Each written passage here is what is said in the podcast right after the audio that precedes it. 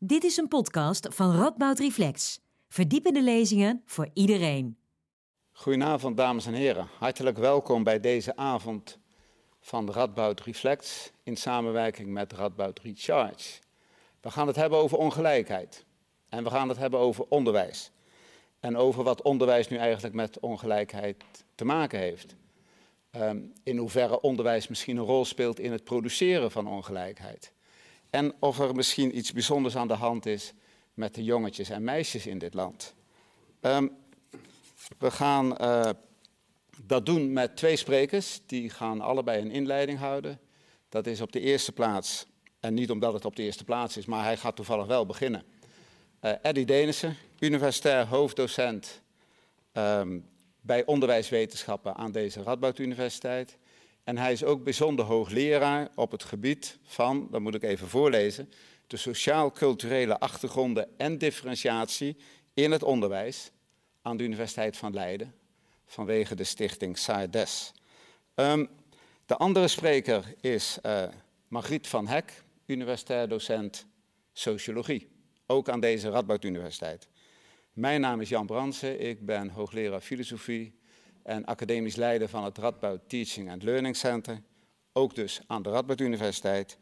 En ik moet u nog één ding vertellen en dat is dat u vragen kunt stellen aan de sprekers. Dat kan via menti.com. En als het klopt, krijgt u nu het nummer te zien wat daarbij nodig is. En dat is 698 5178. En dan is wat mij betreft voor u een hele fijne avond. Voor mij natuurlijk ook. En het woord is voor uh, aan Eddie Delissen. Dankjewel. En dankjewel voor de uitnodiging om hier te mogen uh, praten over onderwijs en ongelijkheid bij Radboud Reflect. Um, in de aankondiging zag ik, want dat heb ik natuurlijk een hele tijd geleden al geschreven, dat uh, ik zou hebben over optimisme, dat ik pleit voor optimisme. Nou, dat is in de tijd van nu heel erg fijn om het over optimisme te hebben. Maar in het kader van onderwijs en ongelijkheid moeten we eerst, even wat stappen zetten om uh, dat optimisme te, ja, ook een beetje vrolijk en ook met, ja, met, met een toekomstperspectief te zien. Want we hebben het nu de hele tijd in de coronaperiode over onderwijs en ongelijkheid. Zorgen nemen heel erg toe dat de ongelijkheid toeneemt vanwege corona. En dan is het wat lastig misschien om meteen optimistisch te zijn. Maar ik ga straks met optimisme eindigen. Maar ik wil het eerst met jullie hebben over ongelijkheid en onderwijs en wat we daar precies mee bedoelen. En uh, toen ik aan het nadenken was over deze bijdrage, toen uh, ja, wil ik altijd een beetje terugkijken van waar komt dat idee over ongelijkheid en onderwijs vandaan. Um, en uh, ja, moest ik ook terugdenken aan mijn eigen studietijd hier. Ik ben in 1988 begonnen aan de Radboud Universiteit met de opleiding onderwijskunde, zoals dat toen heette. Dat heet nu onderwijswetenschappen. En een van mijn eerste baantjes die ik toen kreeg bij, als studentassistent was bij een project wat uh, bij onderwijskunde toen uh, werd uitgevoerd naar de evaluatie van het onderwijsvoorrangsbeleid. En een onderwijsvormingsbeleid, dat was in, in die, halverwege de jaren tachtig, beleid om de achterstanden van vooral de allochtone leerlingen tegen te gaan. En scholen kregen extra geld om aan die achterstanden te gaan werken. En ik was betrokken bij dat project. Onderwijsongelijkheid stond toen hoog op de agenda. En is eigenlijk in al die tijd helemaal niet weg geweest. En uh, wat dan opvalt in die hele discussie over onderwijsongelijkheid, is dat het sinds een jaar of vijf echt met stip uh, alle agenda's heeft beklommen en nu als een van de grote problemen van onderwijs, uh, in het onderwijs uh, weer helemaal op de agenda staat. Dat heeft voor een heel groot deel ook te maken met de problemen die we in de samenleving zien. Toenemende ongelijkheid, een kloof tussen arm en rijk. Jullie zien dat hier afgebeeld. En nou, onderwijs maakt dan heel erg veel uit van aan welke kant van die kloof je terechtkomt. Maar het maakt ook heel erg veel uit uh, en welke kloof, aan welke kant van die kloof je geboren bent en wat de kansen zijn op onderwijs. De afgelopen vijf jaar heeft uh, die problematiek van ongelijke kansen en ongelijkheid in het onderwijs heeft heel veel aandacht gekregen. Het ministerie heeft nee, vier jaar geleden, in 2016, een initiatief de Gelijke Kansenalliantie gelanceerd. Uh, Nationaal Regieorgaan Onderwijswetenschappen heeft een programma onderwijsachterstanden gelanceerd met heel veel geld voor onderzoek naar ongelijkheid in het onderwijs. En heel veel scholen en besturen die worstelen met het, met het vraagstuk hoe ze die ongelijkheid in het onderwijs kunnen oplossen. Dus het is een heel groot probleem waar we echt iets mee moeten. Maar als het gaat over ongelijkheid en onderwijs, dan is het natuurlijk ook de vraag waar we het nu precies over hebben. En uh, in die combinatie van die twee woorden, ongelijkheid en onderwijs, daar zitten interessante uh, definitiekwesties en, en, ook wel lastige uh, problemen die te maken hebben met politieke opvattingen, met ideeën die mensen hebben over rechtvaardigheid, van verschillen tussen mensen in de samenleving, maar ook in het onderwijs, die ja, ook wel geëxpliciteerd moeten worden en nodig zijn om die te bespreken voordat we goed kunnen nadenken over het, uh, het, het, verbeteren van de gelijkheid in het onderwijs, als we dat al willen. Want Jan zei het net al, uh, we hebben ook onderwijs dat ongelijkheid produceert. Dus een van de tussen, relaties tussen onderwijs en ongelijkheid is dat onderwijs ook ongelijkheid maakt. We leren niet allemaal hetzelfde op school. Dus we hebben ook in het onderwijs de mogelijkheid om onze eigen talenten en eigen interesses te volgen. En daarmee maakt onderwijs dat er ongelijke uitkomsten zijn. Omdat mensen zich uh, scholen om een bepaald beroep uit te oefenen, om een bepaald vak te leren. En daarmee creëren we ongelijkheid. Nou, die ongelijkheid die hoeft op zichzelf niet problematisch te zijn, maar die wordt wel problematisch als die ongelijkheid weer gepaard gaat met allerlei andere effecten die met onderwijsongelijkheid uh, daarvan het gevolg zijn. En we zien dat diploma's uh, sterk samenhangen met levensverwachting, met inkomen, met status, met gezondheid. Dus onderwijs produceert ongelijkheid, die we misschien ook wel willen, maar tegelijkertijd ook maatschappelijke ongelijkheid, die, een, die zorgt voor verschillen in de samenleving, in uh, levensmogelijkheden en kansen die wellicht aan te pakken zijn. Um, een tweede relatie tussen onderwijs en ongelijkheid is dat onderwijs ook ongelijkheid uh, voor een deel uh, ongedaan maakt. Kinderen groeien verschillend op in verschillende gezinscontexten. En in het onderwijs krijgen kinderen een, ja, eenzelfde pedagogische context, waar, waar, dus geen onderscheid wordt gemaakt naar de achtergronden van leerlingen. Uh, in principe in een klas. De, de leraar geeft hetzelfde onderwijs, de, uh, kinderen zitten bij elkaar in een klas en daarin worden de sociale verschillen die kinderen misschien thuis meer ervaren, die worden op school voor een deel teniet gedaan. Uh, onderwijs heeft ook gemeenschappelijke doelen. We hebben bijvoorbeeld in het basisonderwijs eindtermen die we voor alle leerlingen opstellen. En daarmee proberen we de verschillen tussen leerlingen kleiner te maken en ervoor te zorgen dat alle kinderen een gemeenschappelijk curriculum doorlopen, dezelfde eindtermen halen en daarmee meer of minder uh, ongelijk worden. Dat wordt later weer wat verspreid door differentiatie in uh, het voortgezet onderwijs en daarna, waarin uh, dus de kinderen weer geselecteerd worden naar niveau en naar interesses, waardoor er weer meer ongelijkheid wordt geproduceerd. Maar zeker in het basisonderwijs is een, belangrijke intentie van het onderwijssysteem is om, om die ongelijkheid ongedaan te maken. Een derde relatie uh, tussen onderwijs en ongelijkheid is dat uh, onderwijs ook de ongelijkheid legitimeert. En dat heeft te maken met ons meritocratisch gedachtegoed, wat heel dominant is in deze westerse samenleving. Dat als je maar je best doet en je hebt capaciteiten, dan uh, is het onderwijs open en toegankelijk voor iedereen om de kwalificaties te realiseren die je wil. Dus als jij dan niet een hoog diploma krijgt of niet het vak leert wat, wat je eventueel uh, zou kunnen, dan wordt dat uh, ja, je individuele verantwoordelijkheid. Dat wordt jezelf is je eigen verantwoordelijkheid om jouw status te verwerven. Het onderwijs biedt je alle mogelijkheden om jouw talenten te realiseren. Dus maak daar gebruik van. En de ongelijkheid die dan het resultaat is van onderwijs, die wordt voor een groot deel wordt die gerechtvaardigd omdat onderwijs open is voor iedereen en in principe de mogelijkheid biedt om uh, ja, je maatschappelijke positie te verwerven die uh, past bij jouw eigen uh, talenten en inzet en interesses. In de vierde plaats is er een relatie tussen onderwijs en ongelijkheid, in de zin dat onderwijs ook ongelijkheid reproduceert. En dat is wellicht de, de aanjager van de hele discussie over gelijke kansen, is dat het onderwijs uh, bepaalde groepen beter bedient dan anderen. Zo zien we stevast dat kinderen met hoogopgeleide ouders, die komen uh, beter uit het onderwijssysteem En daarmee zien we dat uh, de uh, diploma's de schoolloopbanen, prestaties van leerlingen, dat die niet alleen maar terug te voeren zijn op hun eigen cognitieve vermogens, maar voor een deel ook uh, terug te voeren zijn op het opleidingsniveau van hun ouders. Sociaal milieu waarin kinderen opgroeien heeft invloed op de onderwijskansen. En daar spreken we het onderwijs vooral op aan. Waarom hebben kinderen met bepaalde achtergronden een betere kans op onderwijssucces dan anderen?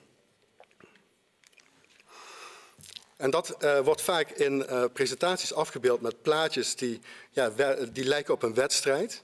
Dus hebben we te maken met een eerlijke wedstrijd voor leerlingen om uh, die eindstreep te halen die past bij hun mogelijkheden, talenten en interesses.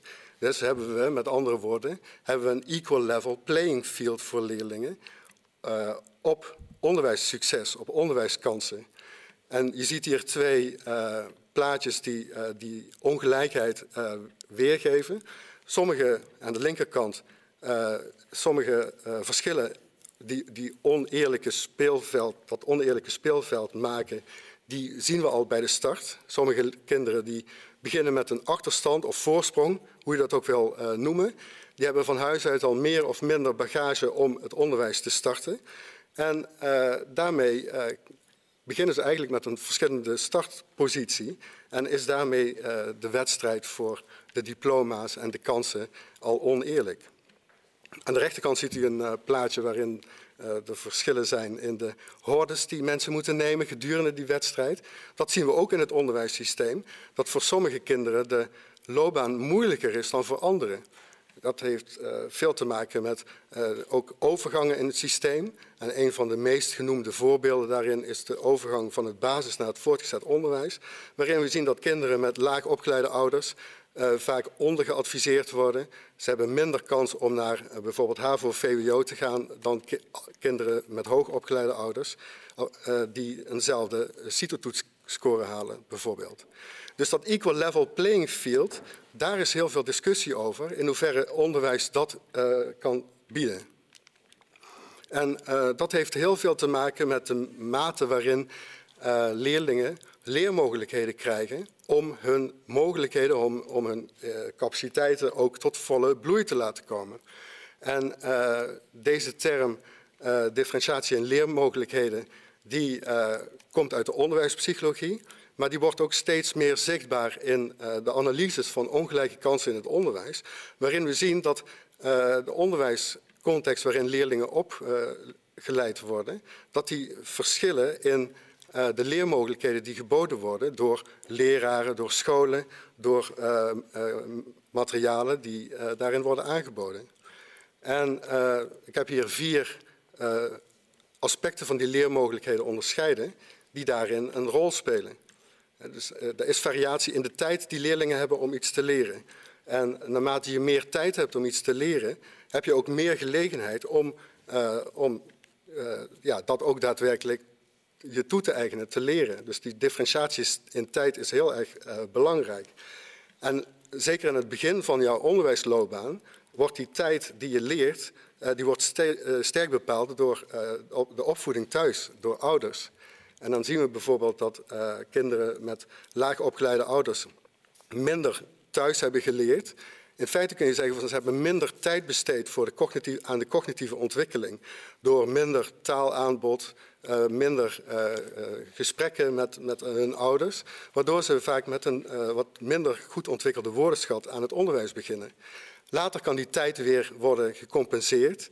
Bijvoorbeeld door voorschoolse educatie te bieden of naschoolse begeleiding. En uh, hoe meer tijd je biedt, hoe meer je de mogelijkheden biedt om uh, kinderen iets te laten leren.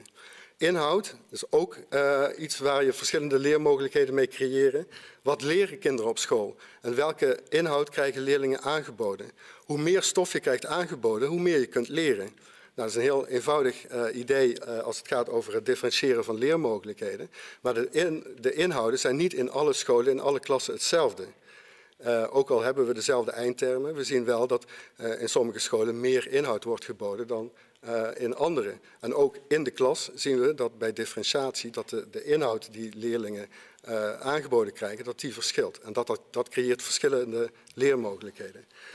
Ten derde de moeilijkheid. Uitdaging is een hele belangrijke aanjager van leren. Dus als jij moeilijkere opdrachten krijgt, dan ga je ook meer leren. Dus als de lat hoog gelegd wordt, dan is het leren uiteindelijk veel uh, effectiever, leer je meer. En daarin zien we ook differentiatie in die leermogelijkheden. Sommige leerlingen, daar wordt veel uitdaging geboden, krijgen moeilijke opdrachten dan anderen. En dat kan verschillen tussen scholen, maar dat kan ook in de klas verschillen. Uh, en die uh, verschillen in moeilijkheid, die maken ook dat leerlingen verschillende leermogelijkheden krijgen en daarmee invloed heeft op kansen. Tot slot de kwaliteit van instructie. Dus de uitleg van een leerkracht, leraar, is ook heel erg belangrijk. Als een leerkracht eh, goed uitlegt, dan leer je daar als leerling meer van. En uh, wij, er is de afgelopen jaren heel veel inzicht in de kwaliteit bijvoorbeeld van instructie, maar ook van feedback.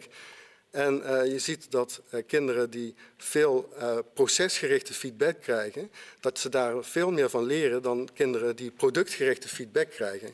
En daarmee bedoel ik dat als jij als leraar, als jij feedback geeft op het werk van een leerling of van een student en je, geeft, een, je zet de leerling of die student aan het denken, dus je vraagt hoe is iets aangepakt of hoe zou je dat anders kunnen doen, daar volgt meer leren uit dan wanneer je productgerichte feedback geeft, alleen maar of het, uh, of het antwoord of de opdracht goed of uh, minder goed is gemaakt en wat het dan had moeten zijn. Daarbij zien we ook dat daar nog een verschil is in de sturing die leraren geven in het leren. Dat je ziet dat als leraren directe sturing geven aan het leren, dat dat uh, veel minder leren met zich meebrengt dan wanneer uh, leraren wat meer begeleidende feedback geven en de leerling veel meer helpt in het zelf nadenken over de oplossingen en de antwoorden. Nou, dit zijn vier kenmerken van de didactische leeromgeving die van invloed zijn op de kansen die leerlingen in de onderwijspraktijk krijgen om uh, zich te ontwikkelen. En daarin zien we verschillen die we weer terug kunnen voeren op ongelijkheid. En uh, dat wil ik heel kort even toelichten van waarom, waar zien we die verschillen dan? En voor een deel zien we die verschillen, uh, die uh, zien we terug als gevolg van maatschappelijke ongelijkheid. Ik zei het net al, als jij laag opgeleide ouders hebt, dan zijn vaak, is vaak de leeromgeving thuis minder goed, minder sterk, minder ja, intellectueel uitdagend zou je het kunnen noemen, dan wanneer je ouders hebt met hoogopgeleide ouders. Uh, en die maatschappelijke ongelijkheid, die, weer, uh, die zijn weerklank vindt in de uh, thuissituatie van leerlingen, die heeft invloed op de leermogelijkheden die leerlingen hebben, thuis, maar ook gedurende de school. We zien ook dat scholen verschillen in de wijk waar ze staan en de leerlingpopulatie die naar die scholen toetrekt. Dus als een school bestaat uit heel veel leerlingen uit lagere sociale groepen, dan, uh, ja, dan creëer je daarmee een ongelijke uh, leermogelijkheden voor leerlingen. En dat zien we vaak terug in wat minder inhoud die aangeboden wordt, minder moeilijkheid van het onderwijs. Uh, en wat we ook zien is dat leerlingen in, die wat zwakker starten en met lagere prestaties, dat die veel meer gestuurd worden door het leren door een leraar. Ze krijgen veel meer directieve feedback en veel meer feedback op het product dan op het proces. Dus daarin zien we dat uh, die verschillen tussen leerlingen verklaard kunnen worden door de, de, de, schoolcontext, de maatschappelijke omgeving waarin ze opgroeien en de thuissituatie, maar ook kenmerken van scholen, die spelen daarbij een rol. Uh, we zien ook dat differentiatie en selectie in het onderwijssysteem invloed heeft op die leermogelijkheden. En dat uh, zien we vooral in vergelijkingen van de didactische leeromgeving bij bijvoorbeeld VMBO-scholen en VWO-scholen. Waarbij in het VWO uh, veel sneller de stof wordt behandeld, de lat ligt hoger. en daar zien we ook variaties in leermogelijkheden die ervoor zorgen dat VWO-leerlingen sneller ontwikkelen dan bijvoorbeeld leerlingen op het VMBO. Uh, en dat zien we ook terug in allerlei landelijke cijfers. Dat uh, bijvoorbeeld ook uit het onderzoek van uh, de UNESCO in 2018, waaruit blijkt dat leerlingen in Nederland in de middelbare schoolleeftijd, dat die verschillen enorm groot zijn in vergelijking met het basisonderwijs. Dus door die selectie naar de basisschool zien we dat die leermogelijkheden, maar ook de ontwikkeling van leerlingen heel erg uit elkaar loopt. Dus dat zijn voorbeelden van ongelijkheden die uh, we zien in uh, het leeraanbod, in de didactische context van leerlingen. Um, dat geldt ook voor uh, de klas. En dan ga ik in de laatste minuten die ik nog heb even in op de rol van de leraar. En naast tijd en aandacht en moeilijkheid, daar spelen leraarverwachtingen een hele grote rol bij. Wat uit onderzoek al blijkt, uit de vanaf eind jaren 60 van de vorige eeuw, is dat als leraren veel verwachten van leerlingen, dat dat ook effect heeft op het leren en uiteindelijk de leerprestaties en schoolloopbanen van leerlingen. En uh, die verwachtingen zijn inschattingen over wat, een, over wat een leerling kan. En die inschattingen die zorgen ervoor dat die leraar uh, leermogelijkheden voor die leerling aanbiedt die passen bij die verwachtingen. Dus voor hoge verwachtingen zien we dat leraren uh, veel uh, moeilijkere taken aanbieden, uh, de lat hoger leggen bij leerlingen, leerlingen ook meer uitdagen in interacties, waardoor uiteindelijk ook die leerprestaties hoger worden. Dus dat is eigenlijk een zelf aanjager van hoge verwachtingen. En dan kom ik weer bij het begin van mijn verhaal over optimisme te spreken. Als je optimistisch bent, je hebt hoge verwachtingen, dan zien we dat terug in leermogelijkheden in een klas en uiteindelijk in de leerprestaties van die leerlingen. Nou, die leraarverwachtingen, daar richten we heel veel onderzoek op nu. Van hoe kun je die leraarverwachtingen zo uh, ja, met leraren bespreken, zodat die leraarverwachtingen voor alle leerlingen positief zijn. Want we zien nu dat die leraarverwachtingen een extra zetje geven aan kinderen die toch al heel goed presteren en waar de leerling heel veel, de leraar heel veel van verwacht.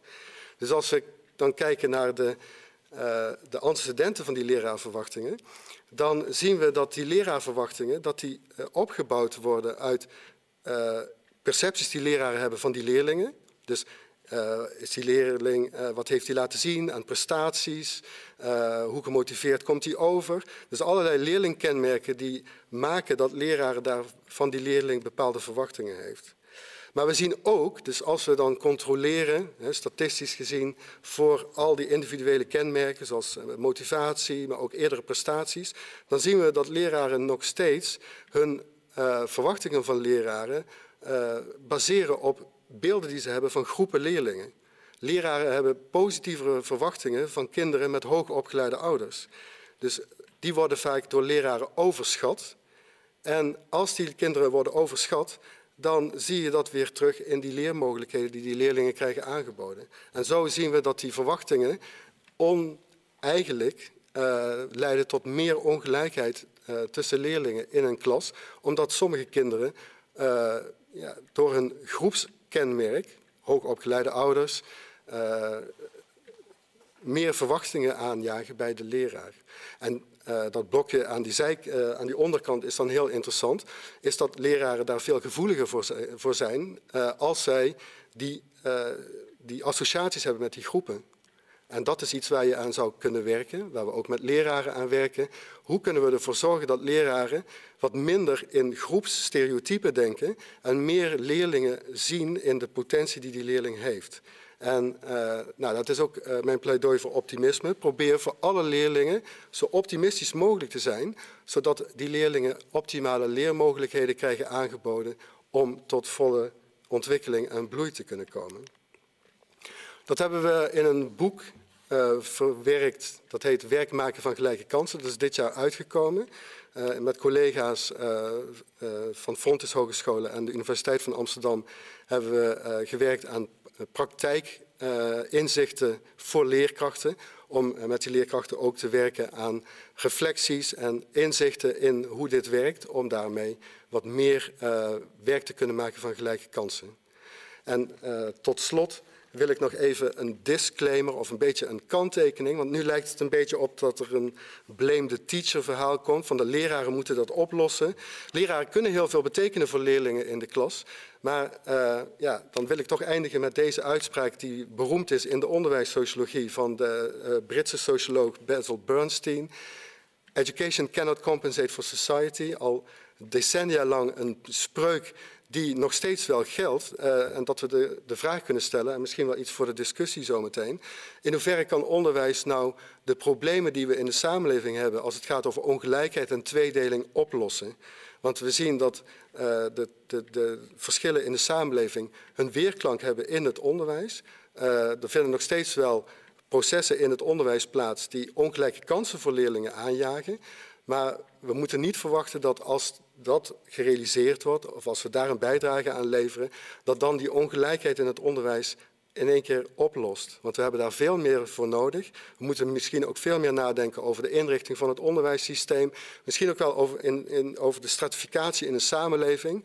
Uh, hoe wij uh, gelegitimeerd uh, ongelijkheid in de samenleving realiseren met onderwijs. Maar ja, blijven nadenken over de rol die onderwijs hierin speelt. Dus we kunnen daar straks wel de discussie over aan. En uh, bedankt voor jullie aandacht. Dankjewel, uh, Eddy. Um, ik kijk even naar u. Ik zie dat u ontzettend veel vragen via Menti naar mij toestuurt. Ik heb al een hele lijst vol die ik nooit beantwoord krijg in zijn geheel. En ik ben er vrij zeker van dat als zometeen Margriet van Hek gaat spreken, dat er echt nog wel een heleboel vragen bij komen. Ik zit ondertussen een beetje met, uh, hebben we het nu over ongelijkheid in de zin van verschil, of over ongelijkwaardigheid, of over oneerlijkheid. We gaan er straks allemaal over praten, maar ondertussen staat Margriet van Hek klaar. Uh, zij is socioloog, universitair docent aan de Radboud Universiteit. En zij gaat het vooral hebben over genderongelijkheid. Margriet. Ja, dat klopt. Dankjewel Jan. Ik zal het uh, met jullie gaan hebben over seksverschillen in onderwijssucces. Dus verschillen tussen jongens en meisjes. Tegenwoordig politieke agenda staat. Helemaal terecht uh, volgens mij. En na het verhaal van Eddy lijkt het misschien een beetje een vreemde vorm van ongelijkheid om het over te hebben. Want Meisjes en jongens groeien op in dezelfde families. Jongens groeien niet op in rijkere of arme families dan meisjes. Ze gaan naar dezelfde scholen. Hè. Meisjes gaan niet naar betere scholen dan jongens.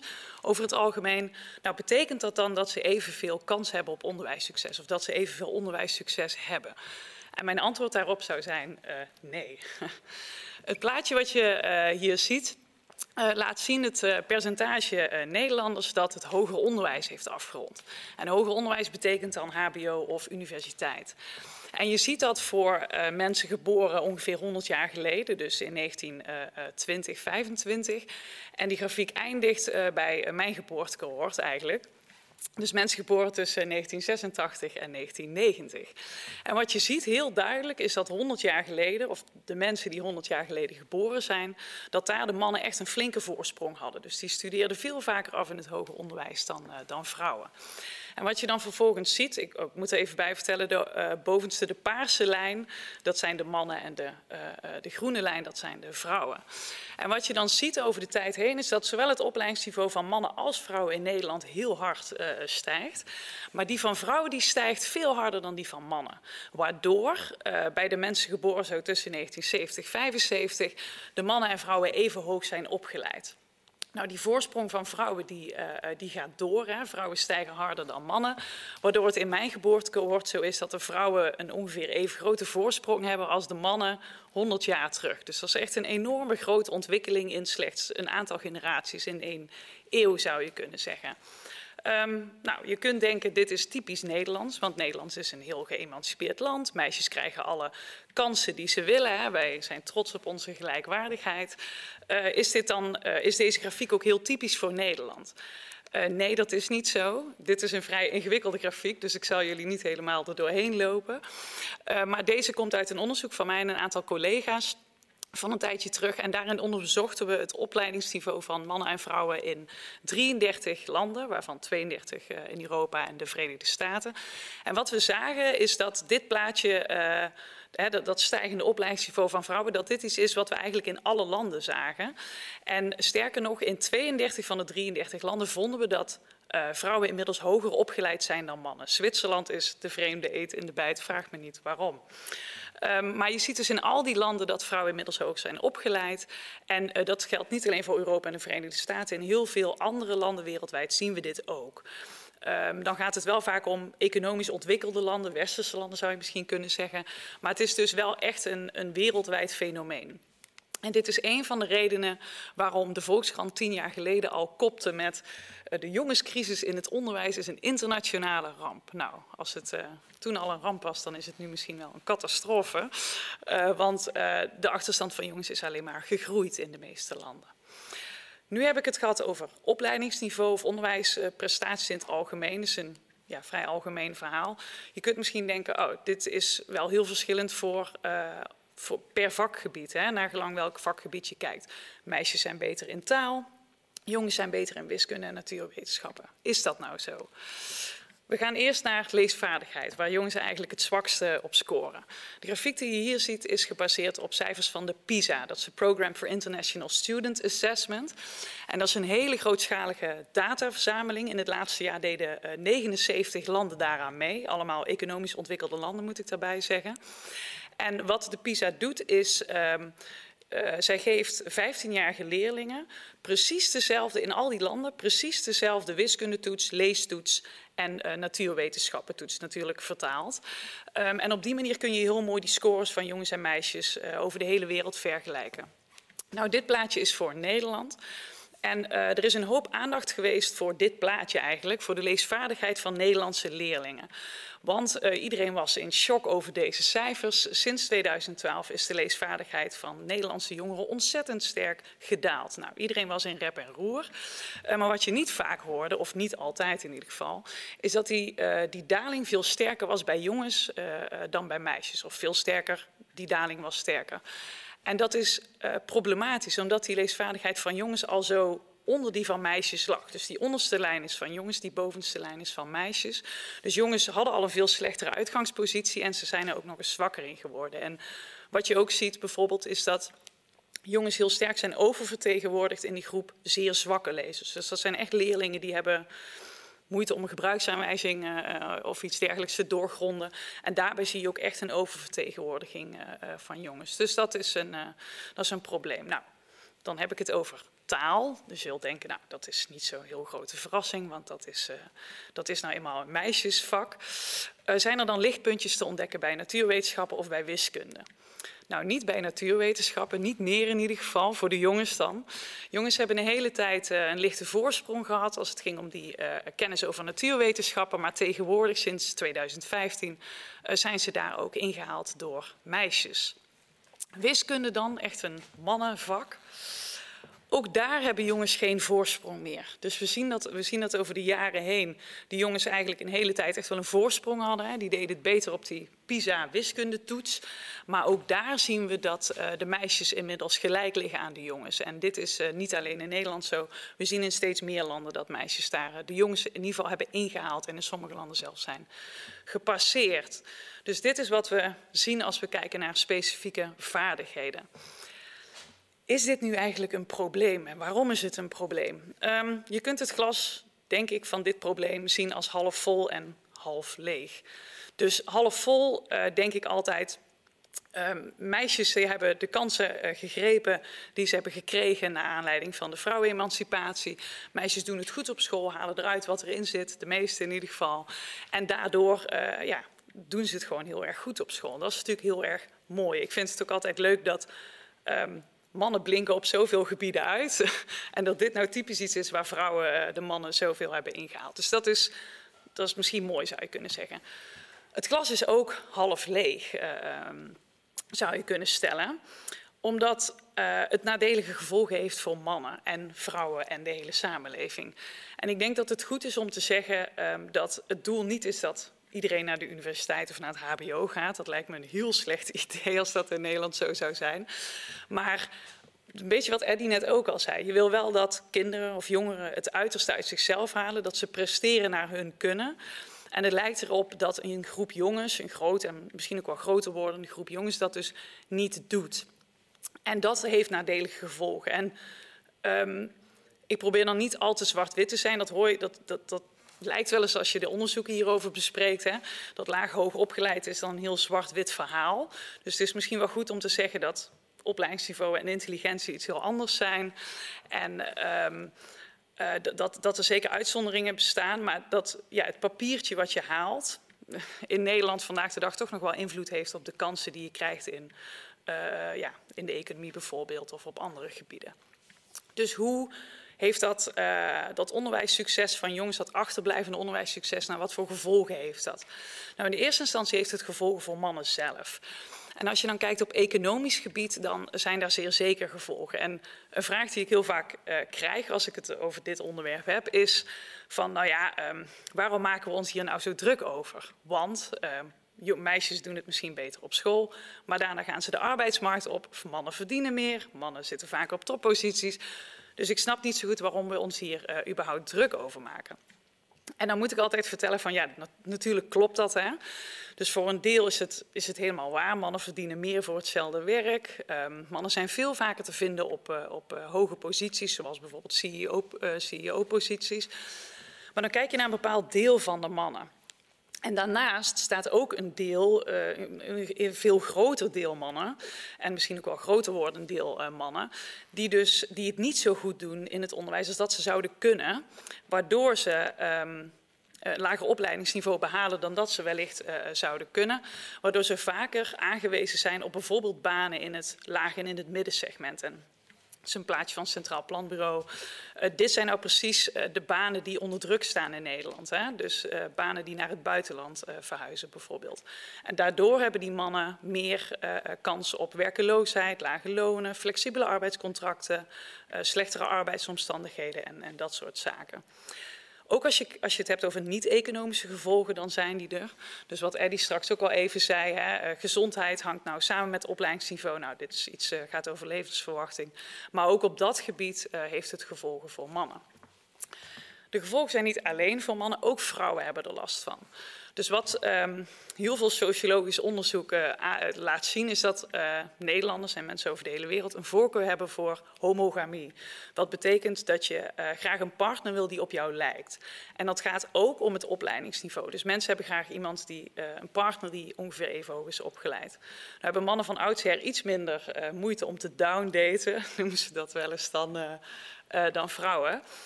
Um, maar goed, vrouwen hebben daar meer moeite mee. Die willen iemand die minstens even hoog is opgeleid. En je kunt je voorstellen dat als die ongelijkheid tussen mannen en vrouwen te groot wordt, dat er dan een disbalans bestaat op de relatie en op de huwelijksmarkt. En dat is wat je uh, soms ook ziet. En er is een heel interessant Amerikaans onderzoek wat um, het aantal eenoudergezinnen koppelt aan die zwakke onderwijsprestaties van mannen. Dus wat zij zeggen is dat er steeds meer kinderen opgroeien in eenoudergezinnen.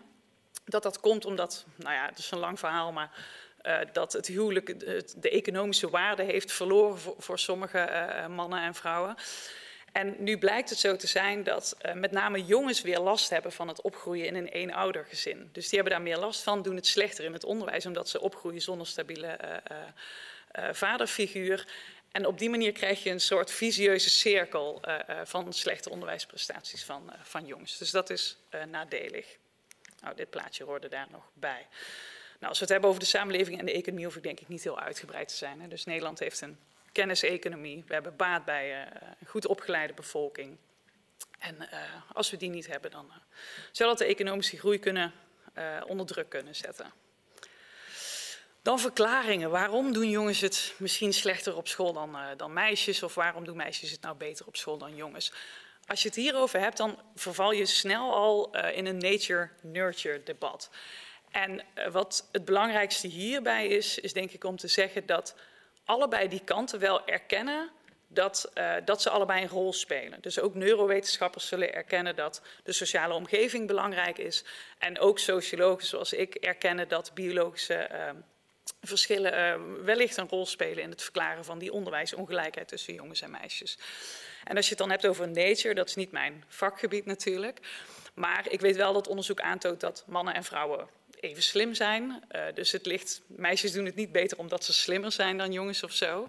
Maar uh, er zijn wel sommige biologische verschillen. Dus sommigen uh, hebben het dan over het verschil in hormonen. Jongens hebben meer testosteron, wat dan weer allerlei gevolgen heeft. Jongens hebben vaker dyslexie. Nou, dat kan weer hè, misschien een deel van die verklaring vormen voor waarom ze slechter zijn in taal. Uh, dus nou, daar, spelen allerlei processen waar ik verder niet op in ga gaan. De nurture kant, als het, vooral de sociologen, die focussen met name op de sociale omgeving. En ik heb hier wat voorbeelden gezet qua sociale omgevingen, van, van klein naar groot, waar je naar zou kunnen kijken. De familie waarin jongens en meisjes opgroeien, leeftijdsgenoten, de school, daar zal ik zo wat meer op ingaan. Eh, en de samenleving waarin je, eh, waarin je opgroeit. Nou ga ik wat meer in op de school, omdat het het meeste past bij deze eh, avond, dacht ik. Maar ik wil van tevoren iets met jullie bespreken, iets wat overkoepelend bestaat op al die verschillende, uh, in al die uh, verschillende sociale omgevingen. En dat zijn normen over hoe jongens en meisjes of mannen en vrouwen zich behoren te gedragen. Die bestaan in families, vriendengroepen, scholen en in de samenleving. En wat dan vaak gesteld wordt is dat Um, er, hè, er, zijn verwachtingen, normen over hoe men zich behoort te gedragen. En in eigenlijk elke samenleving is het zo dat die verschillen voor mannen en vrouwen. Dus je hoort wel vaker, en dat is ook wel, heeft onderzoek ook wel veelvuldig bevestigd, van meisjes wordt eerder verwacht dat ze rustig zijn, meegaand, verzorgend, uh, vlijtig. Nou, dat, dat soort eigenschappen zijn dan typisch voor meisjes. Terwijl van jongens wordt verwacht dat ze fysiek actiever zijn, zelfstandig, uh, autoriteit minder makkelijk accepteren. Dus dat, dat zijn dan mannelijke eigenschappen. Hè? En die uh, verwachtingen omtrent het gedragen. Um, uh, zoals bij jouw geslacht hoort, die leiden tot, die verschillende gedragingen kunnen dan weer leiden tot verschillende onderwijsprestaties. En ik wil daar, als ik de tijd heb, twee voorbeelden bij noemen. Een boek waar ik heel erg van genoten heb was Learning the Hard Way van Edward Morris, heel interessant Amerikaanse wetenschapper. En wat hij bijvoorbeeld uh, zag, was dat jongens zich in de klas veel vaker als clown gedroegen dan, uh, dan meisjes. Dus die gingen vaker de clown uithangen en grappen maken en, enzovoort. En zijn verklaring voor dit gedrag, waarom dit vaker bij jongens dan bij meisjes ehm, te vinden was, was dat hij zei van goh. Jongens gedragen zich op die manier om niet de indruk te wekken dat ze heel erg serieus bezig zijn met hun, met hun opleiding, met hun onderwijssucces. En dat komt omdat jongens dat noemen ze wel eens zo, effortless achievers moeten zijn. Dus van jongens wordt verwacht dat ze van nature intelligent zijn. Dus jongens mogen best hoge cijfers halen. Dat, is, dat is niet, heeft geen gevolg voor hoe populair je bent bij je vrienden bijvoorbeeld. Um, maar dan moeten die prestaties die moeten dan wel afkomstig zijn van jouw natuurlijke intelligentie, van iets wat gewoon is aangeboren. En je moet er vooral niet al te hard je best voor doen, want hard werken voor school, dat is iets dat doen meisjes. En natuurlijk is het zo dat gewoon hard werken voor school leidt tot betere prestaties. En sommige jongens komen ermee weg om niks te doen en de clown uit te hangen en vervolgens nog negen en tienen te halen. Maar voor de meesten geldt dat natuurlijk niet. En dat geldt ook niet voor, uh, voor meisjes. Een ander voorbeeld komt uit uh, onderzoek van een paar collega's uh, en mij. En ik zal deze grafieken niet helemaal toelichten, maar wat wij vonden in ons onderzoek met uh, Vlaamse data, was dat jongens die, of ik moet het zo zeggen, dat naarmate jongens meer het gevoel hebben dat ze zich als een typische jongen moeten gedragen, dus um, ja, dat ze die druk meer voelen van leeftijdsgenoten, dat ze zich ook meer gaan misdragen op school. Dus dat ze bijvoorbeeld vaker een grote mond opzetten tegen hun leraar. Nou, dat komt natuurlijk heel erg overeen met die mannelijke, onafhankelijke rol die zij moeten laten zien. Dus um, ja, die, die, die genderverwachtingen hebben ook echt uh, gevolgen voor uh, hoe jongens en meisjes zich gedragen. Nou, dat tenslotte nog twee uh, korte sheets over, hoe, over de rol van scholen. Dus hoe, hoe zorgen scholen nou voor een voordeel voor meisjes in de eerste instantie? Wat er vaak wordt gezegd is, uh, nou die feminisering van het onderwijs, dat moet wel een rol spelen. Al die vrouwelijke docenten. Um, dit is niet wat onderzoek aantoont, dus ik moet dit altijd een beetje ontkrachten. Er zijn echt hele goede uitgevoerde onderzoeken die laten zien dat het voor onderwijsprestaties in ieder geval niet uitmaakt of een jongen of een meisje les krijgt van een vrouwelijke of een mannelijke docent. Dus dat is helemaal niet aan de hand daar. Het is een wat ander verhaal als het gaat om. Um, bijvoorbeeld persoonsvorming of uh, uh, de beeldvorming over hè, hoe een leraar eruit moet zien of zo. Dus of jongens en meisjes het idee hebben dat een lerarenvak iets voor hen is, dat is wat anders. Maar als het echt gaat over die prestaties, dan maakt dat dus echt niks uit. Nou, wat zijn er andere manieren waarop scholen wel kunnen zorgen voor een voordeel voor meisjes? Wat vaak wordt gezegd is dat het gedrag dat op school wordt verwacht, dat dat echt meisjesgedrag is. Hè? Dus leerlingen moeten stilzitten, hun mond houden, goed luisteren naar de docent. En dat is iets dat doen meisjes meer dan jongens. Dan is natuurlijk altijd de vraag, doen meisjes dat van natuur omdat ze bijvoorbeeld minder testosteron hebben? Of is dat, doen meisjes dat omdat hen dat is geleerd vanuit thuis uit? Um, docentverwachtingen spelen een belangrijke rol. Eddie had het er al even over. Um, uit recent uh, er was recent Vlaams onderzoek dat liet zien dat uh, docenten inmiddels hogere verwachtingen hebben van meisjes dan van jongens. Dus dat zou een verklaring kunnen zijn. Hoe kunnen scholen nou jongens bevoordelen? En dit lijkt een beetje uh, vreemd, omdat je denkt, nou ja, meisjes doen het beter op school, dus hoezo uh, bevoordelen scholen dan jongens? En hierbij is het uh, goed om te vertellen dat, um, of is het denk ik goed om op te merken dat omdat meisjes een voordeel hebben op school, dat dat niet betekent dat dat door school komt. Dus het zou ook best zo kunnen zijn dat dat komt door de opvoeding thuis of door de manier waarop de samenleving of het onderwijssysteem is ingericht. Maar het is niet zo dat dat, die, dat dat voordeel van meisjes ook echt van de scholen zou moeten komen. En de reden waarom, uh, uh, wat, wat, dan vaak wordt aangehaald, waardoor scholen eigenlijk helemaal niet een vergrotende rol spelen hierin, is dat dan wordt gezegd dat scholen gestandaardiseerdere omgevingen zijn. Dus families die kunnen hun dochters en zonen zo opvoeden als dat ze willen. Dus ze kunnen hun dochter veel vaker voorlezen dan hun zoon bijvoorbeeld. Of hun zoon veel vaker uh, naar buiten sturen om buiten te spelen, om lekker actief te zijn. Dat mogen ouders allemaal zelf weten. Maar op school zijn er bepaalde regels. Dus met name wat Eddie al zei in het basisonderwijs. Je hebt een bepaald curriculum. Um, jongens moeten nu eenmaal in de eerste jaren ook, of moeten altijd ook Nederlands volgen, bijvoorbeeld als vak. Dus die omgeving is veel gestandaardiseerder voor jongens en meisjes. Is veel gelijkmatiger voor jongens en meisjes dan bijvoorbeeld de thuisomgeving. Um, nou, manier waarop scholen dan jongens zouden kunnen bevoordelen, dan heb je het over, ook over docentverwachtingen. Er zijn ook onderzoeken die laten zien dat uh, docenten denken dat jongens intelligenter zijn, dat wiskunde veel meer iets is voor jongens, of dat, dat jongens daar beter in zijn dan meisjes, ook al laten de scores iets heel anders uh, zien. Dus die docentverwachtingen, daar, zijn, daar is men nog niet helemaal uit hoe dat nou zit met, met seksen. Er zijn ook onderzoekers die laten zien dat jongens meer aandacht krijgen in de klas, zowel positieve aandacht als negatieve aandacht. Negatief omdat ze meer rumoer veroorzaken. Negatiever omdat ze wat zwakker presteren. En zwakker presterende leerlingen dan weer meer aandacht zouden krijgen van een docent. Dus dat kan twee kanten op werken. Um, en uh, er wordt ook wel eens gezegd, bijvoorbeeld recentelijk in een rapport van de, uh, van, de onder, van de onderwijsraad, dat er nog steeds stereotype uh, lesmateriaal vaak is. Dus dat zou ook nog een rol kunnen spelen. En ik denk dat ik daarmee afsluit, want dan zit ik over mijn tijd heen. Um, ja, er zijn nog heel veel onderwerpen waar we het helemaal niet over hebben gehad. Dus ik heb het nog helemaal niet gehad over verschillende studiekeuze. Dat is weer een heel ander thema. Maar uh, ik hou het hierbij, denk ik. Dankjewel. Dankjewel. Uh, kom maar bij. Dan kunnen wij met elkaar in gesprek. Want het was natuurlijk ook maar de bedoeling dat het een inleiding was. Zeker. En dat wij uh, heel uh, gesprek zouden kunnen voeren. We kunnen de hele avond met gemak vullen met alle vragen die via Menti uh, binnengekomen zijn. Maar ik wou toch maar ook een paar dingen aan jullie vragen. Dus ik hoorde jou aan het eind zeggen van... kunnen we jongens en meisjes voordelen bieden in het onderwijs? En, en het, het bieden van voordelen heeft natuurlijk iets te maken met, met gelijkheid en ongelijkheid.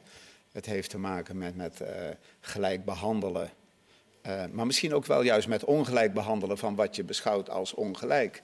En, en mijn vraag is eigenlijk, als je kijkt naar die, uh, die manieren waarop we helemaal in het begin, heeft Eddie het over, uh, onderwijs creëert ongelijkheid op een bepaalde manier. Het, het kan ongelijkheid ongedaan maken, het kan ongelijkheid legitimeren, het kan ongelijkheid reproduceren, dat het van, van ouder op kind weer dezelfde soort van ongelijkheid blijft.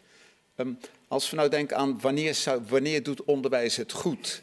Moet het dan iets met voordelen of niet? Dus moet, moet, is goed onderwijs onderwijs dat zich inspant om ongelijkheid de wereld uit te helpen door het bieden van die soort van voordelen?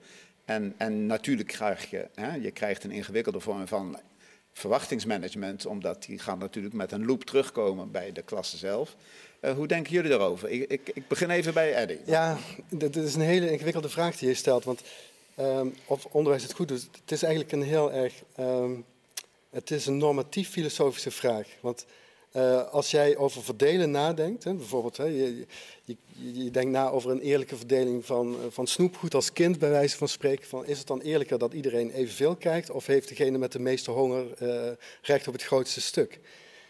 Ja, vel daar maar een oordeel over. Ik denk dat dat niet te doen is. Ik denk niet dat je een uitspraak kunt doen wanneer het nu goed is. Want je hebt allerlei rechtvaardigheidsclaims die gaan over evenveel onderwijs voor iedereen. Dus we moeten de aandacht evenredig verdelen over leerlingen, want alle leerlingen hebben recht op, e- even, op uitdaging en op evenveel uh, uh, pedagogische uh, ondersteuning en, en, en, en ja, liefde in het onderwijs. Terwijl anderen zeggen, ja, juist voor die, je moet onderwijs ook gebruiken om de verschillen die er zijn als kinderen binnenkomen, om daarvoor te compenseren.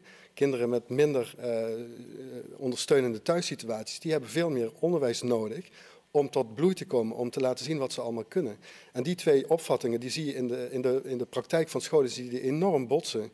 En daarom zijn ook heel veel leraren en scholen die, die worstelen met dit ethisch dilemma. Mm. Van hoe kunnen wij het nou goed doen? Want ja, we vinden allebei die rechtvaardigheidsprincipes geldig, mhm. maar we kunnen niet kiezen.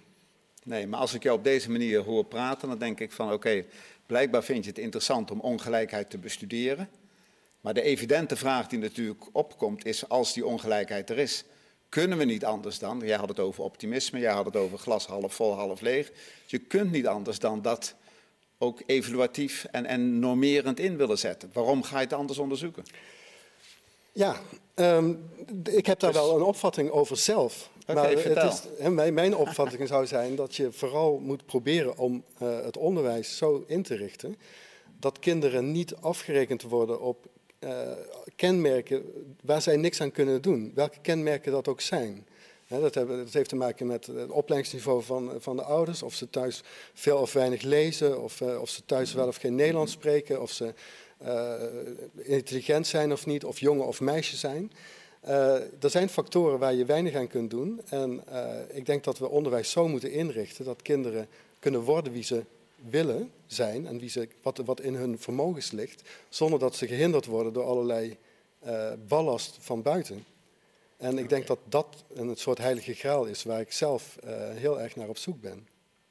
Oké, hoe, hoe is dat voor jou, Margriet? Jij, uh, jij onderzoekt ook niet voor niets, denk ik, de verschillen tussen jongetjes en meisjes in het onderwijs. Mm. je hebt het over het halfvolle en het half lege glas. Uh, ook voor jou de vraag, wat is goed onderwijs wat jou betreft? Wat doet, wat doet goed onderwijs of wat doen wij in onderwijs als we het goed willen maken hmm. met die verschillen die je registreert? Ja, ik sluit me wel heel erg aan bij Eddie hoor. Dus ik denk wel dat het in de eerste instantie is het een politieke kwestie ook. Het is iets waar, waar je op, op, op een verschillende manier tegenaan kan kijken. En inderdaad, sommige mensen zeggen inderdaad van nou, biedt iedereen gewoon precies hetzelfde, dat is een gelijk speelveld. En anderen zullen zeggen, biedt de een iets meer dan de ander, want die komt uit een nadeligere situatie. Um, ja, met, met seks is dit altijd iets, uh, is, is dit altijd iets anders. Hm. Omdat die jongens en meisjes heel erg uh, dezelfde uh, startsituatie hebben, zou ik zeggen.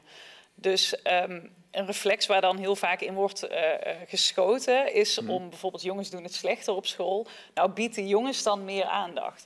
En ik denk dat dat een verkeerde reflex is. Dus ik denk wel dat je inderdaad zwakkere leerlingen meer aandacht zou moeten uh, bieden.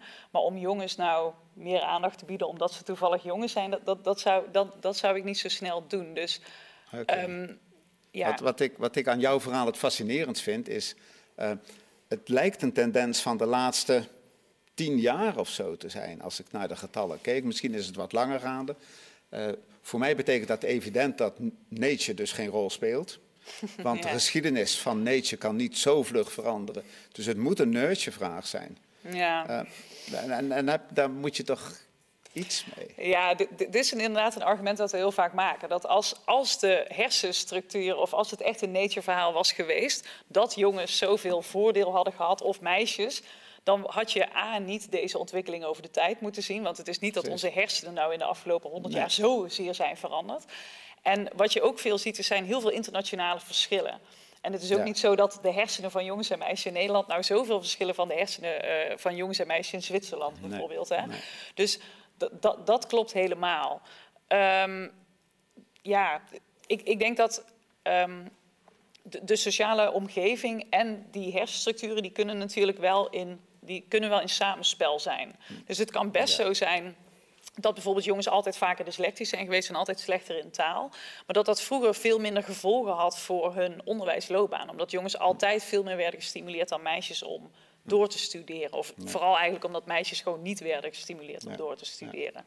Dus um, ja, die staan met elkaar in, uh, in interactie, zou ik zeggen. Oké. Okay. Eén kwestie die ik ook bij, bij jullie allebei je verhaal hoor, hè, is dat als we het over ongelijkheid hebben, op een bepaalde manier hebben jullie het ook over bepaalde vormen van gelijkheid die veronderstellen dat die ongelijkheid uh, belangrijk wordt. Hè? Dus, dus, als we het over rechtvaardigheid en over eerlijkheid hebben, hebben we het eigenlijk altijd over gelijke monniken, gelijke kappen. Dus als je verschilt in dit of overeenkomt in dit, dan moet je verschillen in dat of overeenkomen in dat, in, in, in de aanpak ervan. Um, zou het kunnen dat de typeringen die jullie gebruiken, dus dat je, doordat je focust op jongens en meisjes, je als het ware het verschil tussen jongetjes onderling en het verschil tussen meisjes onderling als het ware kleiner maakt of wegdrukt door op die overeenkomst te letten.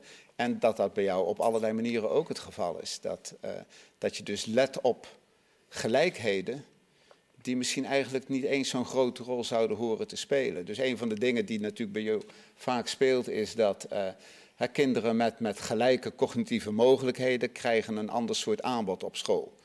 Maar hoe weten wij of ze cognitieve gelijke mogelijkheden hebben? Ja, dat halen we dan uit de CITO-toets. Uh, daar kan je natuurlijk zo je vragen bij hebben. Dus, dus wat voor gelijke monniken hebben we het eigenlijk over? Ja, dat heeft natuurlijk ook heel veel met de onderzoeksmethode te maken die wij gebruiken. Dus dat we kijken naar de mate waarin individuele loopbanen terug te voeren zijn op variaties binnen groepen en tussen groepen.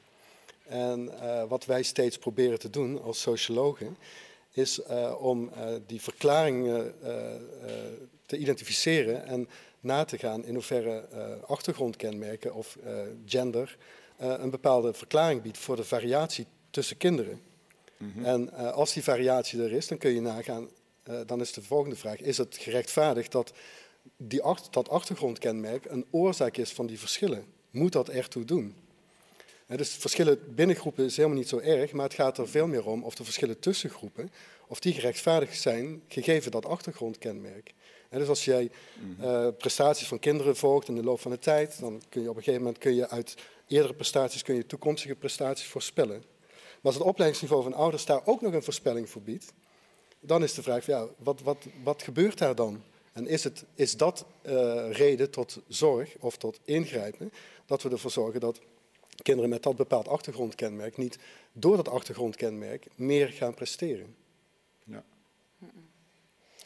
Ja, ik denk dat het, het is een hele goede vraag, denk ik, om toe te passen op, uh, op, op jongens en meisjes. Omdat er inderdaad heel veel onderzoeken zijn die aantonen dat de variatie binnen een sekse veel groter is dan het verschil in gemiddelde tussen, tussen jongens en meisjes. Terwijl ja. de samenleving is heel erg ingericht in jongen en meisje. En dit is denk ik een van de um, ja, to toekomstige richtingen van, van, van mijn soort onderzoek. En dit is ook, dat is ook die grafiek die ik op het eind liet zien. Om niet per se te kijken naar jongens en meisjes. Als in, uh, op een vraag, in de vragenlijst wordt gewoon gevraagd: ben je een jongen of ben je een meisje? Mm. Maar om veel, te diep, om veel dieper in te gaan op wat dat nu betekent. Dus uh, dan, dan, heb je het over termen als gender identity. Dus dan vraag je aan leerlingen, dan ga je meten van oké, okay, in hoeverre identificeert iemand zich nu als jongen of meisje? In hoeverre, in mhm. hoeverre voelt iemand zich een typisch meisje of typisch jongen? Je hebt het ook over uh, hè, hoe masculin of hoe feminien wil iemand zich presenteren naar de buitenwereld. Uh, ja, dat, dat, ik denk dat dat, een van de, ja. dat dat daarom een heel belangrijke uh, richting is. Om je niet dood te staren op seksen. Zou het ook kunnen dat het een soort bijeffect is van hoe sommige soort vragenlijsten gemakkelijk soms soort, sommige variabelen eruit trekken? Hè? Man, vrouw kan je makkelijk in een lijst zetten. Hoog, laag, opgeleid kan je ook makkelijk doen.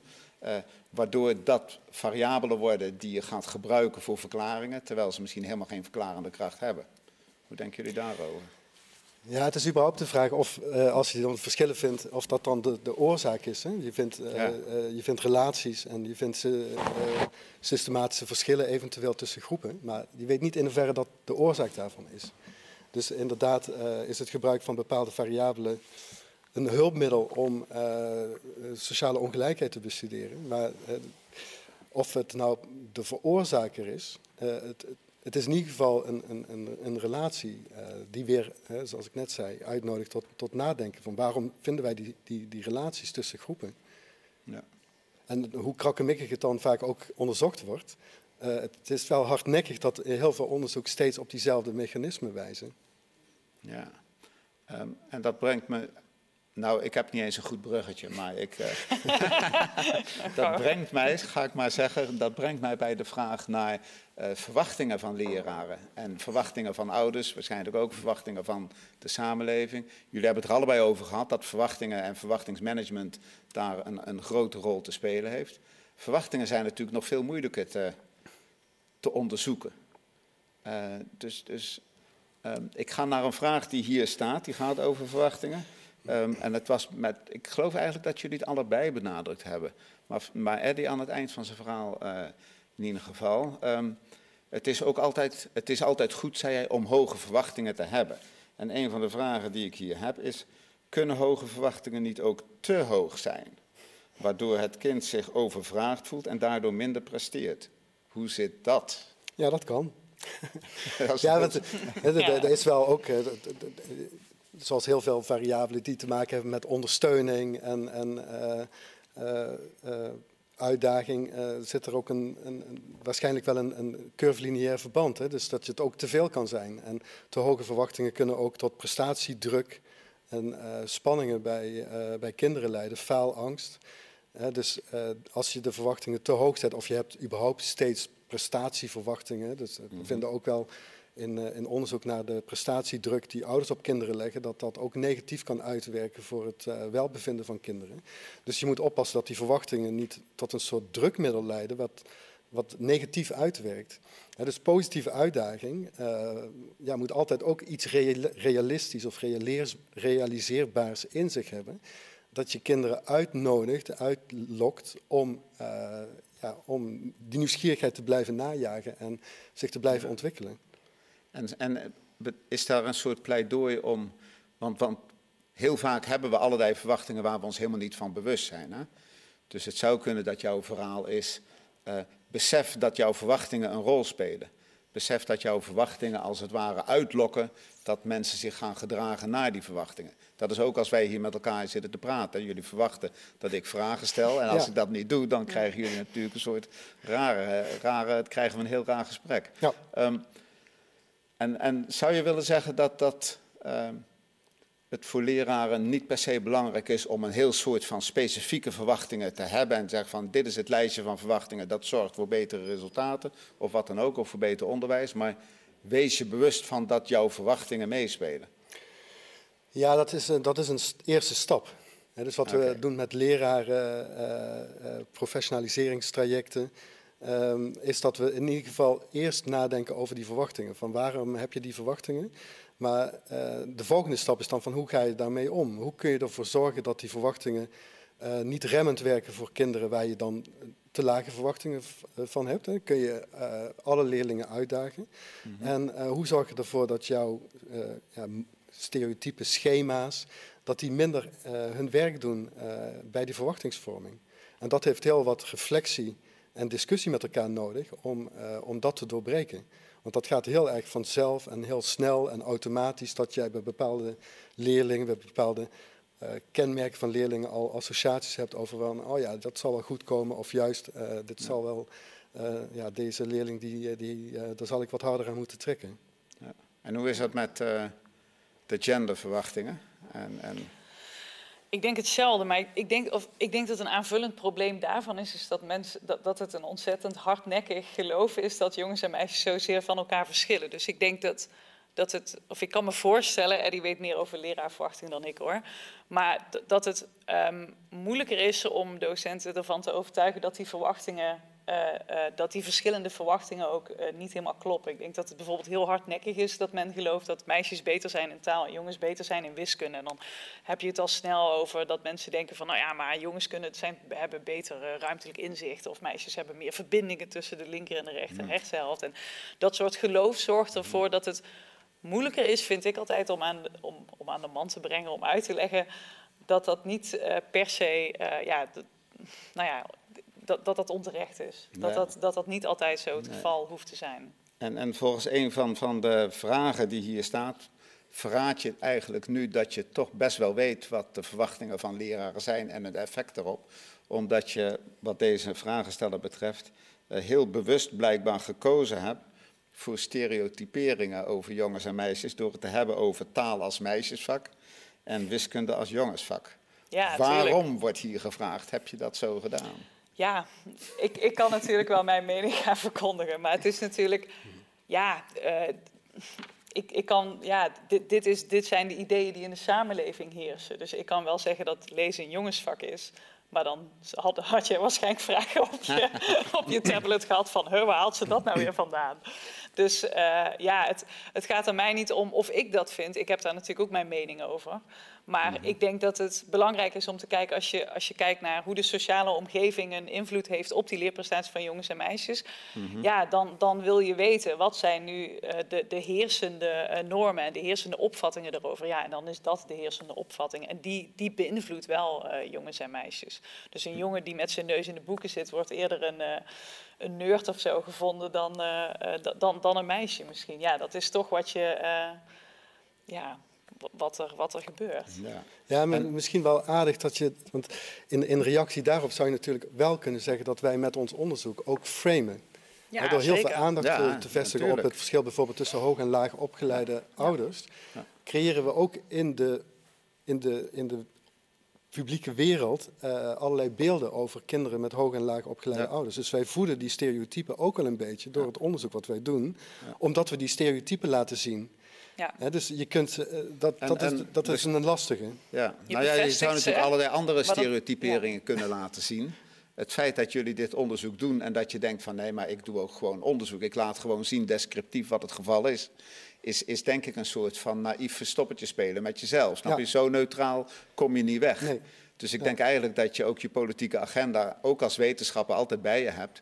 En dus misschien ook wel moet ver, ver- verdisconteren in wat je doet met je onderzoek. Dus, want, want waarom kijk jij eigenlijk naar jongens en meisjes verschillen? Wat is daar nou zo leuk aan? Ja, ik ga hem maar eventjes goede direct vraag. eh, erin gooien. Ja, nee, ik, ik, ik snap hem wel. Ja, het is inderdaad een dilemma dat je, ehm, precies wat Eddie zegt, door het te onderzoeken, eh, zet je het op een bepaalde manier neer en bevestig je ook wel weer die stereotypen. Eh, en het is inderdaad misschien een beetje een verstoppertje spelen. En ja, bij mij heeft zich dat ontwikkeld door inderdaad niet alleen maar door te zeggen van, nou ja, hè, je ziet in bijna alle onderzoeken die dichotomie tussen jongens en meisjes. Je moet verder kijken. Je moet kijken wat, wat voor identiteit hebben mensen, hoe willen ze zich naar buiten presenteren. Ja. Dus ik pak dat op die manier aan, denk ik. Ehm, ja. Ja, die concern die komt natuurlijk ook wel een beetje door je, door je, je eigen onderzoeksinteresse. Ja, waar komt die vandaan? Misschien eh, Ja. uit je eigen persoonlijke biografie. Ik kom zelf uit een arbeidersgezin en eh, ben daarin getriggerd toen ik ging studeren dat er zoiets bestond als onderwijssociologie. Dus dat heb ik meteen ook eh, heel erg op mezelf betrokken. En, en dat is voor mij een persoonlijke drijfveer om, om dit soort werk te doen. Om, eh, te, ja, om, om mee te helpen om die achterstelling van kinderen uit eh, arbeidersgezinnen, om, om daar iets aan te gaan doen.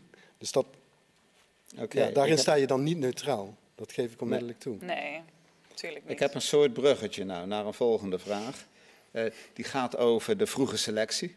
Dat is natuurlijk bij uitstek iets waarvan je zou kunnen denken: het onderwijssysteem zelf creëert nieuwe ongelijkheid doordat we laag en hoger opgeleide mensen hebben en eigenlijk laag en hoog associëren met praktisch en theoretisch en ook nog met, met de handen en, en met het hoofd. Ehm, en we doen dat ook nog met 11, 12-jarigen. Eh, hebben jullie daar. eh, dus ik weet niet of, of in hoeverre dat eh, voor Margriet een vraag is waar ze zich mee bezighoudt. Maar ik neem aan, Eddie, dat Ja. jij je daar wel mee bezig moet houden. Ja, sterker nog, ik eh, ben nu tegenwoordig eh, tijdelijk eh, lid van de Onderwijsraad, waarin we werken aan een advies over eh, wat minder eh, selectie in het onderwijssysteem, om die kansengelijkheid van leerlingen te bevorderen. En eh, die vroege selectie is één van de onderwerpen die eh, daarin centraal staat. Hoe kunnen we ervoor zorgen dat we niet te vroeg selecteren en daarmee eh, die sociale ongelijkheid vergroten? Ja. Dus als we kijken naar andere landen waar later geselecteerd wordt, daar zie je dat de invloeden van ouderlijke opleidingsniveaus, dat die daarin een stuk lager is. En we hebben het al heel lang geprobeerd met de middenschool, met de basisvorming, om, om daar iets aan te doen. Steeds met hetzelfde idee. We moeten later selecteren, want te vroeg selecteren dat eh, maakt on, onnodig onderscheid. Eh, dat, dat zet ook weer eh, de invloed van ouders weer te veel voorop. Dus we moeten later selecteren. Het is een heel moeilijk onderwerp om dat in het Nederlands onderwijs te realiseren. Waarom zou dat zo moeilijk zijn?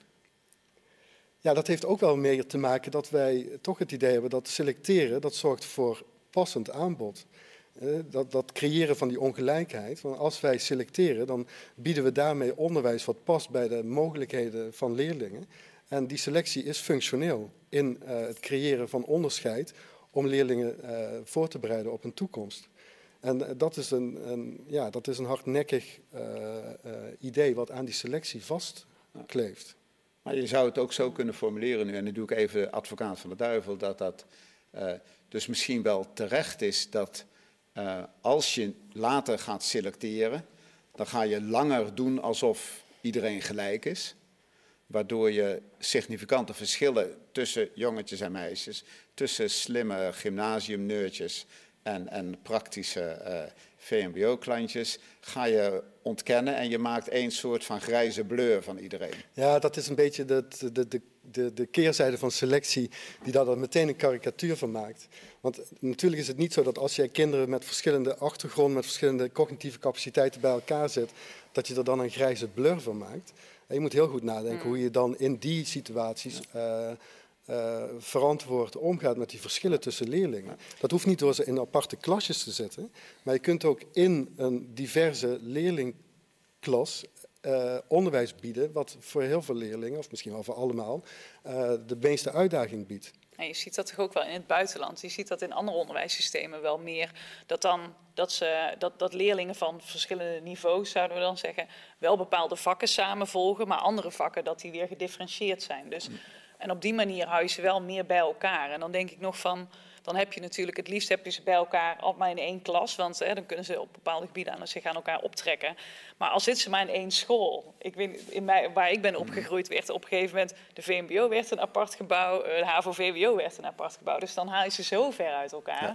Dat is natuurlijk helemaal onwenselijk. Dus er zijn wel, um, denk ik, mogelijkheden tussen totale selectie en uh, alles in grijze blur uh, ja. laten maken. En ja. ja. op het gebied van seks is dit heel onderontwikkeld hoor. Ja. Dus we, we, hebben hier één publicatie over en dat was een van de eerste. Hier bestaan misschien twee of drie publicaties over. Oké. Okay.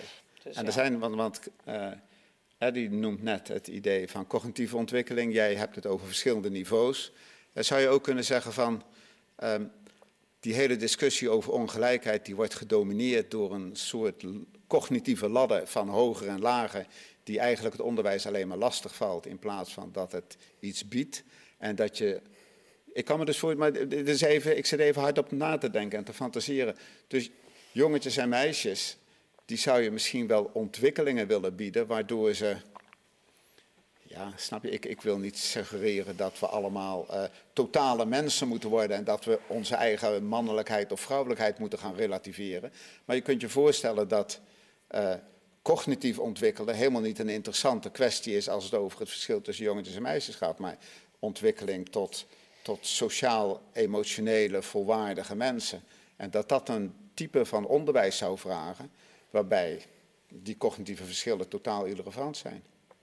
Ja. Je, ja, wil nee. toch dat alle jongetjes en meisjes straks op een, op een fijne en goede manier intieme relaties kunnen hebben met welke jongetjes en meisjes dan ook, hmm. uh, waar het onderwijs niks mee doet. Nee, dat, dat, is denk ik wel heel, dat, dat is wel waar, denk ik. En ik, misschien is dat ook wel een ontwikkeling die, de, die het onderwijs een beetje heeft doorgemaakt. Dus dat er meer aandacht is voor uh, burgerschapsvorming en, en, dat soort Mhm. zaken. Dus die, die ontwikkeling zit er denk ik ook wel een beetje uh, in. Um, maar ja, inderdaad, het systeem is zo ingericht dat dat, dat papiertje, uh, ja, dat, dat, dat doet er gewoon toe. En uh, uh, ik denk dus ook helemaal niet dat dat papiertje hetzelfde is als cognitieve vermogens. Ik denk dat er genoeg praktische mensen op het gymnasium zitten omdat hun ouders dat toevallig willen. En dat er heel veel, uh, en dat, dat, er genoeg uh, uh, mensen met, die misschien theoretisch sterker zijn op het VMBO belanden, mm -hmm. omdat, omdat, ja, om wat voor reden dan ook. Hè? Ja. Dus um, ja. En hoe is dat voor jou? Ja, ik denk ook, het is natuurlijk heel interessant om na te denken over dat verschil theoretisch-praktisch. Want er wordt vaak ook gebruikt als een alternatief voor laag en hoog opgeleiden. Maar daar moeten we niet voorbij gaan aan het feit, wat, wat Margriet ook zegt, dat, dat, die, dat diploma doet ertoe. Uh, een hoog diploma, dus niet een theoretisch diploma, maar gewoon een hoog diploma. Of nou, en vaak is dat dan theoretisch.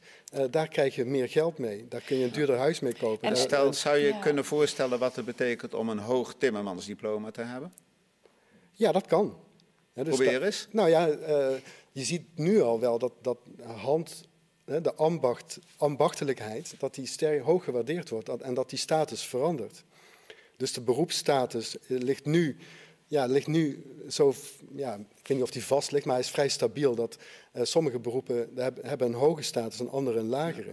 Maar je ziet wel in de loop van de tijd dat daar wat variatie en uh, ontwikkeling in is. En dat je misschien wel in de loop van de tijd daar hele verschuivingen in krijgt. Dat juist uh, de handvaardigheid veel meer gewaardeerd wordt. En daarmee ook een hogere maatschappelijke status mee wordt verkregen. En zijn dat processen die het onderwijs kan beïnvloeden of volgt het onderwijs daar? Dus als je zegt die sociale ladder die gaat veranderen, eh, ambachtslieden gaan, gaan hoger klimmen vanwege hun ambachtelijkheid. Uh, dat moet een effect hebben op het onderwijs of is het zo dat het onderwijs een effect daarop heeft?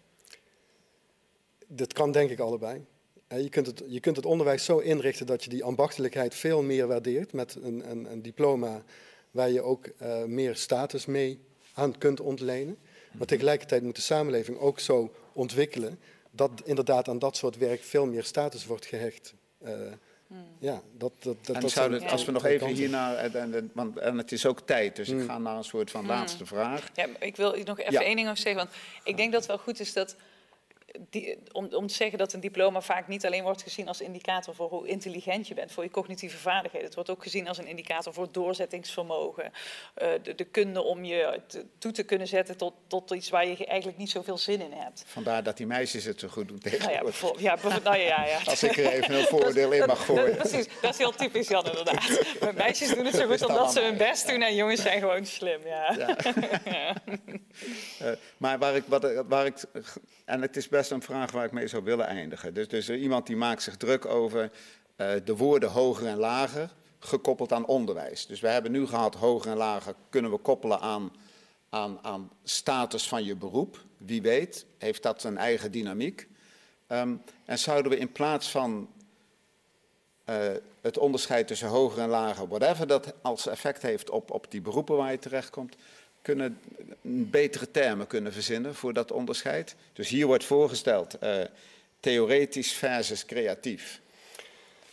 Ja, je zou naar kunnen nadenken over academisch of professioneel of vak uh, ambachtelijk. Hè? Dus wat, wat de, de, beroepen uh, ook vertegenwoordigen. Dus dat je wat minder in termen van hoog en laag zou Zou een tweedeling sowieso handig zijn of juist niet? Of? Ja, weet ik niet. Of het een tweedeling zou moeten zijn. Je kunt heel veel verschillende uh, manieren uh, gebruiken om het te labelen. Ja. Maar hoog en laag zit er nu zo in. ook het hoger onderwijs. Ja, het lager onderwijs. Je kunt zeggen van dat is een leeftijdsaanduiding, maar het, het, het wordt ook een niveauaanduiding. En dat is een wereldwijde ja. ja geaccepteerde terminologie. dus ga er maar aan staan om dat even te veranderen. Ik denk dat dat Zou het een goed idee zijn om het te veranderen? Ik denk wel dat het een goed idee is, maar ik denk wel dat het... Uh, het moet niet een eufemisme zijn uh, nee, nee. Dus voor, voor statusverschillen, maar het moet werkelijk dan ook een alternatief zijn voor het denken in hoog en laag. Ik denk, dit past heel goed bij jouw quote van, uh, wat is het, schools cannot fix society. Ja. ja. zolang society is ingedeeld en men denkt in have en have-nots mm -hmm. en uh, hoog en laag, ja, dan is dat iets dat zal in het, in het, uh, in het onderwijs ook doorsluipen. En dan kun je het inderdaad wel theoretisch en praktisch noemen, maar dan, ja, dan, dan, zal dat er toch in doorsluipen.